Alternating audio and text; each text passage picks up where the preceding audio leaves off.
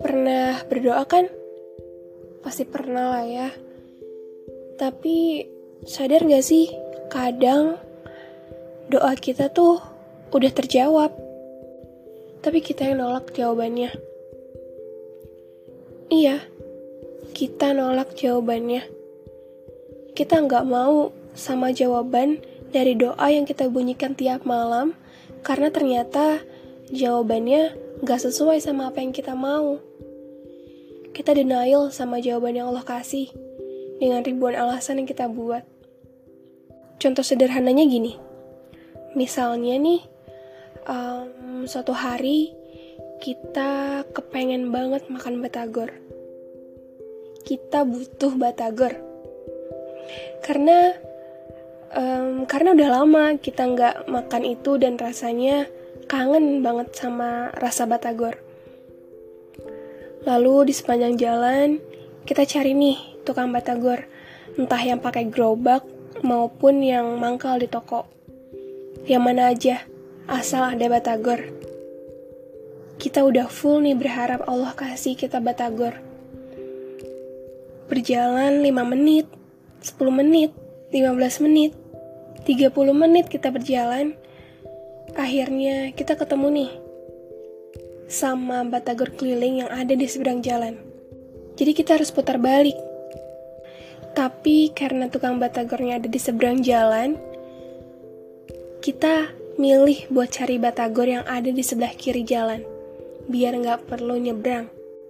Hanya karena tukang batagornya ada di sebelah jalan, dan hanya karena kita harus putar balik, akhirnya kita ngelewatin tukang batagor yang ada di seberang jalan itu tadi dan milih untuk jalan lebih jauh lagi.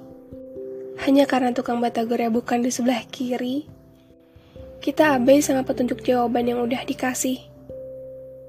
Kita milih untuk gak mau effort putar balik.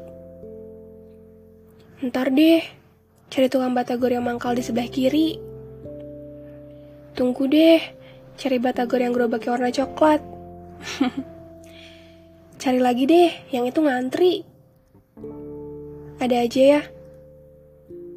Jadi ini tuh dia yang gak kasih jawabannya, atau kita yang gak mau sama jawaban yang udah dikasih. Apalagi jawaban dari doa-doa yang lebih serius dari itu. Kadang masalahnya bukan tentang terkabulnya doa, tapi kita yang milih untuk gak lihat tanda-tandanya. Maunya mudahnya aja.